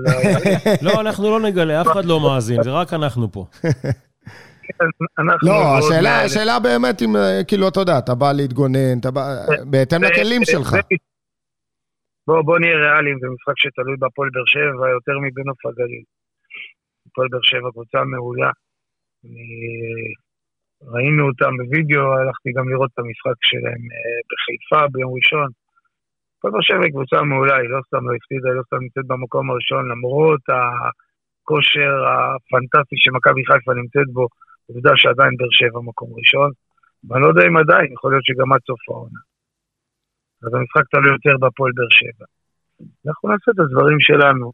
קודם אמרתי לכם בפתיח, קודם כל נראה בכלל מי יכול לשחק. ירון, אני יודע שאתה שומר שבת ואתה מקפיד לא לחלל שבת. איך, איך זה מסתדר לך במשחקי חוץ בעיקר? כי משחקי בית, אני מניח שיש לך את הסידורים שלך, אתה די קרוב שם. איך זה קורה במשחקי חוץ? אני אגלה לך, משחקי בית זה כמו משחקי חוץ. אני הולך למלון אם זה נופל בשבת. אני עושה את זה כבר שנים, גם בליגה שנייה. להפך, אני רוצה להגיד לכם דווקא שבליגת העל, יוצא, נכון לרגע זה לפחות, בינתיים, יצא לי לשחק בהרבה יותר בימי חול ובמוצאי שבת, שבליגה לאומית הרוב יוצא ביום שישי סמוך לכניסת שבת, ולפעמים גם הדקות האחרונות בשעון חורף הם בתוך השבת כבר אחרי נכון. שקיעה. ככה שזה, מבחינתי זה, זה דבר שאני רגיל אליו, וגם בעבר שהייתי בליגת העל ב-2015 וב-2010, 2011, אז גם uh, אני רגיל לזה כבר, וישנים במלון, הולכים ברגל, אין, אין שום בעיה עם זה. בבאר שבע יש לך מבחר של מלונות, זה לא בעיה, תוכל אה, לבחור. כמה שאתה רוצה. לא, זה ביום ראשון בעצם. שבע יש מלון אחד מצוין, אבל... אה, אבל הוא מעודכן. כן, הוא מצוין, אני לא יודע, אוקיי. אבל הוא רחוק, אבל אה, ברמת העיקרון, גם כשאנשים שואלים אותי, איך אתה הולך שעה? ואני צוחק, למה אני צוחק? מה הבעיה ללכת שעה למגרש? יש אנשים שכל יום הולכים שעה, עושים את זה כספורט, לא בגלל שהם שומרים שבת. הם צריכים ללכת בשבת uh, למגרש. Uh, אז אה, זה שטויות, אז אני באמת אה, פחות עושה ספורט, אבל אה, לפעמים שבתות יוצא לי ללכת, אני עושה את זה באהבה, זה שטויות, הכל יפה, טוב. אשריך, גם הרווחת מצווה וגם אה, הרווחת בריאות ו... וגם לפעמים הולך יותר קילומטרים משחקני ליגת העל שהם. אה, ירון, איזה שחקנים אה, באמת פצועים אצלכם? אלי בליטי, רועי חביבאללה, אה, הבלם הזר שלנו שהוא כבר תקופה ארוכה נהדר ולא הבאנו אף אחד במקומו, לפחות עד ינואר לא יבוא אף אחד במקומו, אה, גוטיירי, הבלם הברזילאי. אה, יש, יש לנו... מוטי. מלכה אצלכם, משחק, כשיר? מוטי מלכה גם נפצע באימון האחרון אה, לפני המשחק האחרון, וכרגע הוא חולה, וירין פרץ שנעדר מהמחזור השביעי. אה, יש לנו רשימה לא קצרה לצערי. פרץ הוא גם אה, באר שבעי נראה לי, או משהו בדרום, לא? אם אני... מהדרום. מהדרום, מהדרום, כן, כן. אזור מרחבים אולי. ירון, על מי אתה הולך לשים דגש בהפועל באר שבע? על מי לא? אפילו על הספסל אני הולך לשים דגש. קבוצה, אמרתי, קבוצה מעולה, קבוצה מאוד איכותית. איתן טיבי עוד לא הבקיע העונה, אתה יכול אה, להוריד אותו מרשימת. השמירות. שחקנים, אה, באמת, שחקנים ברמה גבוהה. אה, אלונה השקיעה באמת, ומגיע לה, אישה צנועה. איזה כיף לראות אותה, ראיתי אותה בחיפה, לא ראיתי אותה הרבה זמן ב- במציאות, ואתה רואה אישה כל כך באמת משדרת כזאת פשטות, כזאת צניעות, מגיע לאנשים כאלה להצליח. או, אז סיימנו משמעית. גם עם פרגונים. אה, ירון אוכנבוים, נאחל לכם אה, המון הצלחה בהמשך ליגת העל, ושבאמת אה, תצליחו במטרה שלכם ותישארו בליגה, ויהיה קרב מעניין ביום ראשון. וגם לך באופן אישי. כן, בהצלחה. שתגיע לקבוצות גדולות. שיהיה אני בהצלחה. מאוד מקווה, אני מאוד מקווה שכמו שאמרתם, שיהיה קרב. תודה רבה. לפני סיום בואו נעבור ככה בקטנה על מה שקרה בקבוצת הנוער של הפועל באר שבע, שנמצאת במשבר. אתמול, יום שלישי, רשמה את אה, ההפסד התשיעי שלה בעשרת המשחקים האחרונים, 5-3 לבני יהודה. אחרי שהובילה 3-1. עד הדקה ה-80. וואי. היא בעצם סופגת ארבעה שערים בקצת יותר מעשר דקות, שזה נתון שלא רואים בכל יום, גם לא בליגות אה, פחות מקצועניות. וזה. מצטרף להפסד הקודם של קבוצת הנוער של הפועל באר שבע, 6-3 לראשון לציון בבית האדום, ומשהו לא טוב, לא, לא עובד בהפועל באר שבע, לא בקבוצת טוב הנוער זה- של הפועל באר שבע, זה מתחיל גם Understatement. לא להטריד. טוב זה להפחיד במצב. אחרי 15 משחקים, קבוצת הנוער נמצאת במקום ה-14 בטבלת ליגת העל הנוער, רק שלוש נקודות מהמקום שמוביל לטבלה, ויש קבוצות שמדורגות מתחתיה עם משחקים חסרים, אז המצב הולך ומסתבך, כשבמחזור הבא הם יפגשו את הפועל כפר סבא, שגם מדורגת מתחתיה, וזה קרב תחתית. שש ש- נקודות. שיכול לסבך את הפועל באר שבע, או להוציא אותה? זמנית מהמשבר, כן, בבית האדום. אני ו- חושב שקודם כל אנחנו בתור וסרמיליה צריכים לתת בוסט למשחק הזה, להגיע, כי בסוף יש חשיבות לקבוצת הנוער של המועדון. אה, אסור לאף אחד לתת יד לזה שהם ירדו ליגה, והם בדרך הבטוחה לשם איך שאני רואה את המצב. חייב לעצור את הכדור שלג הזה, אני חושב שעם עידוד ותמיכה, אפילו ברמה של האולטרס, אני חושב ש... השאלה, השאלה איך באמת עוצרים את כדור השלג הזה, כי אתה יודע, בתחילת העונה מקצועית, דיברנו. דיברנו עם אנשים שמעורבים בנוער, נכון. וסיפרו לנו על תהליך ועל שינויים שרוצים התהליך הזה לעשות. לוקח תהליך זמן. לוקח זה שנים, לוקח זמן, תהליך ברור, אבל לוקח יש לך שנים וגם אמרו יש את לך זה. איזה משהו אש שאתה צריך לכבות מיידית. נכון, אני מסכים עם והאש בן. הזאת זה סכנת ירידת ליגה של נכון. קבוצת הנוער, שיכולה לפגוע גם בתהליך של הפועל באר שבע, כי קבוצת נוער שיורדת ליגה, הופכת את הפער ליותר גדול בין נוער לבוגרים, ואנחנו נראה, וזה יכול לפגוע גם בדור העתיד אה, של שחקני הנוער של הפועל באר שבע. השאלה אם באמת לכב, לכבות את האש הזה, הזאת בצורה מיידית, זה אולי לפטר את המאמן של קבוצת הנוער. אז אני, אני חושב ש... אה, תראה, אם אנחנו מסתכלים על התוצאות ועל המשחקים שמהסיקור הקטנטן שאנחנו נותנים לקבוצה, אני חושב שהקבוצה בסופו של דבר כן מבקיעה את השערים. יש לה כן את השחקנים הכישרוניים האלה, לפחות בחלק הקדמי, חייב, חייב לייצב את ההגנה. חייב, מבחינתי, להביא שני שחקנים זרים. חייב. כי החיזוק הזה, החיזוק הזה הוא גם מנטלית לשחקנים. אז זהו, השאלה איך- עוזר איך אתה מנטלית רואה את הדברים שעוברים על קבוצות וכמובן- הנוער. וכמובן גם הייתי אה, מחליף את המאמן. יכול להיות- למשהו, יכול להיות שתי למשהו, אופציות. למישהו יותר מקומי, למישהו שקצת יותר חי את העיר, חי קצת יותר את אז זהו, הדינמיקה. הזכרת את המקומי, אז יכולות להיות שתי אופציות. אח- אחת, או שהבעיה היא מנטלית, ואתה יודע, אנחנו ראינו פה קבוצה ש... גם וגם, שמובילה 3-1 על אה, בני יהודה עד דקה 80. זה, זה הפסד מנטלי, שדקה קודם לפני, דקה לפני בני יהודה מכניסה בלם כדי לא להתפרק. וואי, חשוב וואי. לציין שגם בני יהודה הגיע למשחק הזה בדומה להפועל באר שבע, פחות או יותר באותו מצב, ובלי שלושת שחקני ההתקפה הבכירים שלה ו- ומלך השערים שלה, לא הגיעו למשחק, ובסופו של דבר מצליחים לנצח את קבוצת הנוער בעשר דקות האחרונות ולעשות מהפך מטורף. השאלה אם זה באמת מנטלי, או שיש פה סיפור של שחקנים שפחות מתחברים למאמן שהוא לא מקומי, אני לא רוצה להגיד עושים דווקא, אולי חיבור לא טוב בין השחקנים הפסד למאמן. כזה, הפסד כזה, ובאמת, בלי להיות באיצטדיון, זה רק מנטלי. אך ורק מנטלי. יכול להיות זה- גם זה- עניינים של פערי שפה, פערי תרבות. אה, אבל לא, לא הפסד שאתה אתה מוביל 3-1 בדקה 80. תשמע, גם אם היית שם עכשיו אה, עשרה נגרים על הדשא, הם לא, רק לעמוד. אולי אה, צריך להביא לידו מאמן מקומי, שהתחביר בינו לבין שינוי, השחקנים יהיה זעזוע חייב. לעשות. זה גם, ב, ב, גם בחיזוק הקבוצה, כי הקבוצה כנראה חלשה. זה נראה הגנתית, כי עוד פעם, את השערים הם כן נותנים, אבל סופגים שש שערים, חמישה שערים. זה, זה, זה באמת אה, חייב איכשהו לחזק אז את בואו ההגנה בוא פה. נסכם את הדיון הזה על קבוצת הנוער, שאנחנו מקווים ומאחלים שהם יעברו שם איזה שינוי, יעשו איזה משהו כדי להוציא שייצר את ה... כדור השלג כן. הזה, כי הוא כבר נהיה כדור גדול גדול. לפני שזה מגיע למקומות קצת פחות טובים מקבוצת הנוער, שהמועדון צריך גם להסתכל על הדברים האלה ולנסות לעשות שם איזה שינוי, ונאחל להם המון הצלחה במשחק מול אה, הפועל כפר סבא במ- במחזור הבא. ומפה? משחק מאוד. משמעותי ביום שלישי.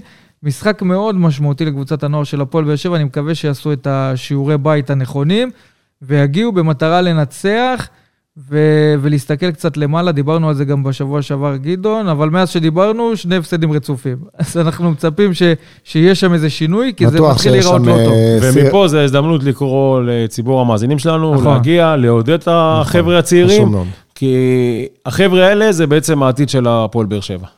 טוב, אז אחרי הבעיות אה, בקבוצת הנוער שדיברנו עליהן, בואו נעבור לבעיות אחרות. בקבוצת הבת של הפועל באר שבע, מ"ס דימונה, בתחילת העונה המטרה הייתה ברורה, והיא להביא את דימונה לליגה הלאומית, כך שיהיה יותר אטרקטיבי לשפשף שם אה, שחקנים שלנו ולהרוויח אותם לאחר מכן בעתיד.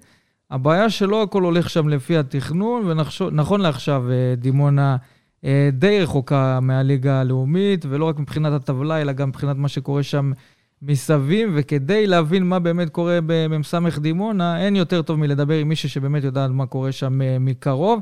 אז בואו נצרף לדיון הזה את לירן ביטון, כתבת אה, ידיעות אחרונות ואתר גולר. אהלן, ערב טוב. ערב טוב, חברים, מה נשמע? בסדר גמור, איך את? האמת שתפסתם אותי בדיוק בשעה סופר סוערת כאן בעיר, ואתם, אנשי כדורגל, מבינים בכדורגל, והייתי רוצה להפנות אליכם שאלה ולשמוע אתכם. מה אוקיי, דעתכם? אין בעיה. אז מה אתם אומרים על אה, קבוצת כדורגל, אה, בעצם שיש בה מאמן, ששבעה מחזורים הקבוצה לא מנצחת, שתי נקודות מתוך 21 אפשריות, שחקנים עוזבים, שחקנים מתלוננים על מה שקורה שם, הוא איבד את חדר ההלבשה שלו, שחקנים מנהלים משא ומתן עם קבוצות אחרות מאחורי הגב של המועדון, והוא מוכתם לשנה נוספת. האם זה תקדים בכדורגל הישראלי? זה מה שקורה במ"ס דימונה כרגע? ממש לפני אה, שעתיים בערך, שעה וחצי, רונן ויינשטיין הוחתם לעונה נוספת למרות הכישלון של אה, מ"ס דימונה, ודיברתם בעצם על השאיפות של דימונה בפתיחת עונה, אז אני חייבת להגיד משהו. דימונה כל שנה מעמידה תקציב מאוד מאוד גדול אה, לליגה, גם כשהיא הייתה בליגה ב' וגם בליגה א', אה, ותמיד יש מטרות עונתיות, זאת אומרת אף פעם אין ראייה עתידית. אף אחד לא חושב על מחלקת הנוער, אין פה זהות מקומית, ומשנה לשנה נהיה גרוע יותר. אני יכולה להגיד לכם שאני חיה את הרחוב הספורטיבי בדימונה, והאוהדים סופר מאוכזבים, ממעטים כבר להגיע, פעם היו כמויות של אוהדים ביציע, משפחות. השנה אף אחד לא מרגיש חיבור, כי יש 11 שחקנים על הדשא, ואין זהות מקומית אחת אפילו. אז זהו, ראינו איך, איך. את מסבירה את זה באמת? מה, מה קורה שם? אתה, אתה עכשיו את מציגה מצב ש, שהמאמן מוכתם לעוד עונה, אין שום חיבור של הקהל, הקבוצה לא מצליחה, איך את מסבירה? מה, מה קורה שם? תראה, מ"ס דימונה מנוהלת לא על ידי אנשי כדורגל. מי שלוקח את ההחלטות זה ראש העיר בני ביטון. אני אישית לא יודעת איך, איך יש לו זמן אה, לכל זה מכל העשייה שלו, אבל בני ביטון הוא ראש עיר, הוא איש של פוליטיקה, הוא לא איש של כדורגל. מסביביו יש המון המון יועצי אחיתופל, אני אקרא לזה, כי גם הם לא אנשי כדורגל, והם מוליכים אותו שולל בסופו של דבר. ולראיה, תראו מה קורה. אם אני אקח את השש שנים האחרונות של דימונה, אז מאז הירידה עם אהוד קחילה, היא בילתה בליגה ב', והנה עלתה עוד פעם, עונה קודמת, גם נבנתה בתקציב מאוד מאוד גדול. אה, היה אותו סיפור אגב, אבי בוחבוט אימן פה, 11 מחזורים ללא ניצחון ועדיין הוא המשיך לאמן בקבוצה, והיא נקלעה למאבקי תחתית, ובנס באמת רונן ויינשטיין השאיר אותה בליגה, ופתח איתה את העונה, קיבל צ'ק פתוח לכל שחקן שהוא רק רצה, למרות שה, שהגיעו לפה המון שחקנים אחרי עונות שלוט ואין לי מושג למה בחרו להחתים אותם, וזה התחבר יפה בפתיחת עונה, אני לא הסתנוורתי מהתוצאות של uh, פתיחת עונה, והנה, הגיע המשבר, שבעה מחזורים רצופים ללא ניצחון, שזה נחתם במוצ"ש האחרון. ותגידי, שיתוף, שיתוף הפעולה בין הפועל באר שבע למ"ס דימונה, יש להפועל באר שבע איזשהו say, איזושהי התערבות במה שקורה במ"ס דימונה, או שיש נתק מוחלט בין, בין מה שקורה בדימונה לבין באר שבע? אם תשאלו אותי, שיתוף הפעולה בין הפועל באר שבע למ"ס דימונה הוא לכאורה שיתוף פעולה פוליטי בלבד. אני לא ראיתי ממנו שום דבר. חוץ מזה שלי, אני ברדה לפעמים בא למשחקים ביום שישי וגם היה איזה משחק ביבנה שאלונה הגיעה, לא ראיתי שום דבר. רגע, מעט מאוד שחקנים אה, זהו, הגיעו... זהו, נכון לעכשיו, מי, מי השחקנים שהגיעו מבאר שבע לסגל של ראינו, דימונה? ראינו גם שבשבוע הזה אוהדי דימונה פנו לאלונה ברקת אה, בפייסבוק, ופנו אליה אולי נכון. שתנסה להתערב, והסבירו שיש שחקנים צעירים של הפועל באר שבע שלא מקבלים במה ולא נספרים מבחינה מקצועית, מה שאולי עלול לפגוע בשיתוף פעולה. באמת, מה קורה שם? אז קודם כל, אמ, אני באופן אישי מאוד מעריכה את אלונה, וכששמעתי על השיתוף פעולה חשבתי שזה משהו שיניף פירות, אבל אני אחזיר אתכם טיפה אחורה. דימונה גם שיתפה פעולה עם הפועל באר שבע, ולא, אה, סליחה, עם ביתר ירושלים ולא קרה כלום. ועכשיו עם הפועל באר שבע ולא קורה כלום. אז הגיעו לכאן כמה שחקנים עם שמות פחות מוכרים, אה, וגם להביא שחקן שרק אה, סיים גיל נוער ועדיין לא מכיר, אתם יודעים, ליגה א', שהיא ליגה לא פשוטה, מגרשים לא פשוטים, שחקנים שהם כבר שם אה, בליגות האלה, הם מתמודדים מול קבוצות ששנים משחקות ב- בליגה הזאת, ואף אחד לא מוריד אותם ליגה למרות תוצאות גרועות, כי הן מכירות את הליגה מקרוב. עדיין שחקנים כאלה מאוד קשה להם לתת את הטון בקבוצה, ובסופו של דבר, כשמביאים שחקנים מבחוץ, ושחקן, אם במרכז הארץ הוא צריך להרוויח 5,000 שקל, בדימונה משלשים לו את המשכורת, כי הוא צריך לנסוע לפה, והוא צריך לצאת מוקדם יותר.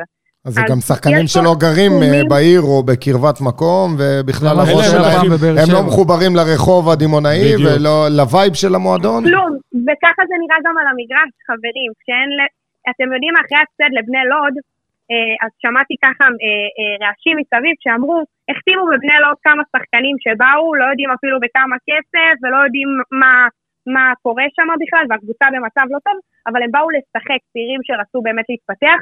הביאו הרבה לב ונשמה וניצחו את דימונה, אותה דימונה חזקה שרצתה לעלות ליגה והחתימה את כל, כל מי שבא ליד.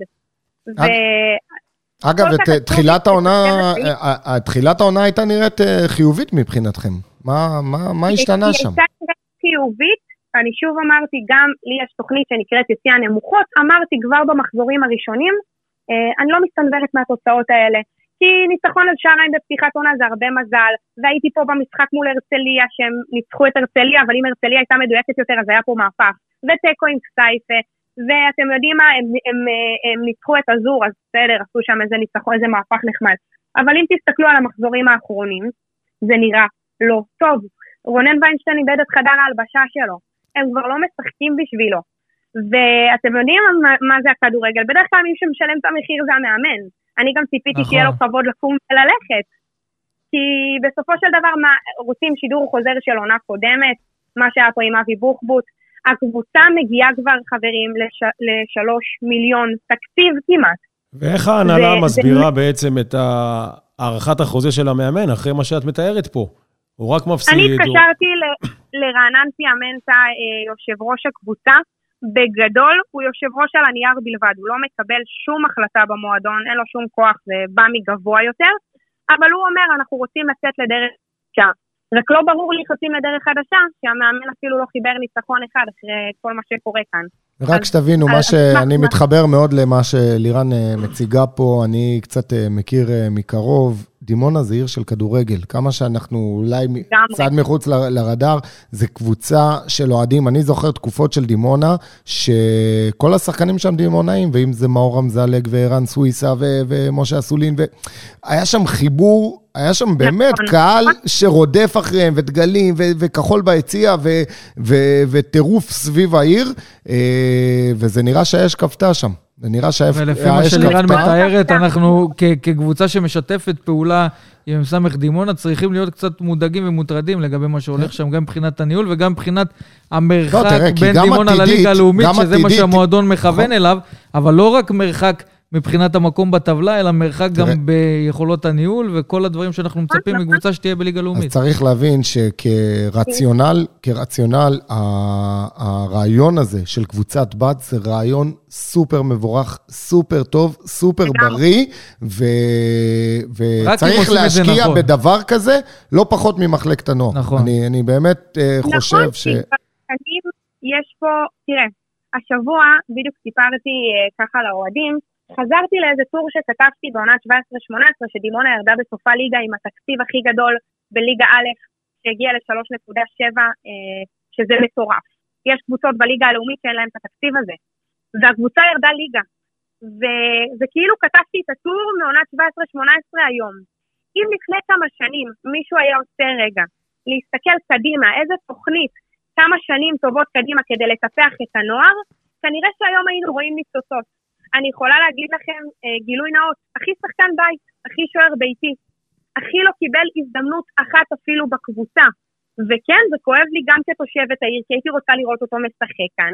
למה אני הולכת לחפש לו קבוצות אחרות? והשנה הוא שוב, אחרי שהוא היה בספייסר הוא חזר, אה, ועדיין לא קיבל אפילו לא הזדמנות אחת. ומשה אסולין הקפטן, שהוא מנהיג על המגרש הרבה מעבר ליכולות שלו, מקבל איזה כמה דקות בסיום המשחק, ואין שום זהות דימונאית, אין לילדים פה לאן לשאוף. אני לא צריכה להגיד לכם שכדורגל זה מסגרת כן. הרבה לפני המשחק עצמו. והילדים האלה יהיו ברחובות בסופו של דבר, כי הם מבינים... אנחנו נקווה מאוד ש... שהדברים האלה... שהצעקה הזאת כן, תעלה יגיעו, מעלה יגיעו מעלה. לאוזניים הנכונות, ו...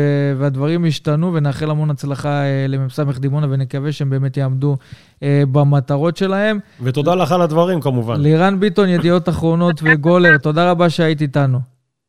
תודה חברים, ערב טוב. ערב מצוין. טוב, מה זה, מה זה, מה זה התוכנית הזאת, גדעון? תוכנית מטורפת. כמה עומס, כמה דברים, כמה דיבורים, גם הפועל חיפה, גם נוף הגליל, גם לא הייתה ירון אוכנבוים.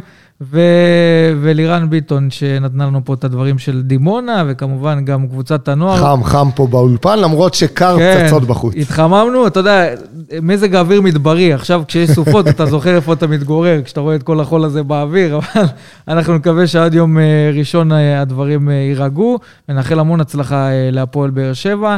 עד כאן, הפרק השישי של וסרמילי הפודקאסט. אתם מוזמנים לעקוב אחרינו גם בפלטפורמות השונות.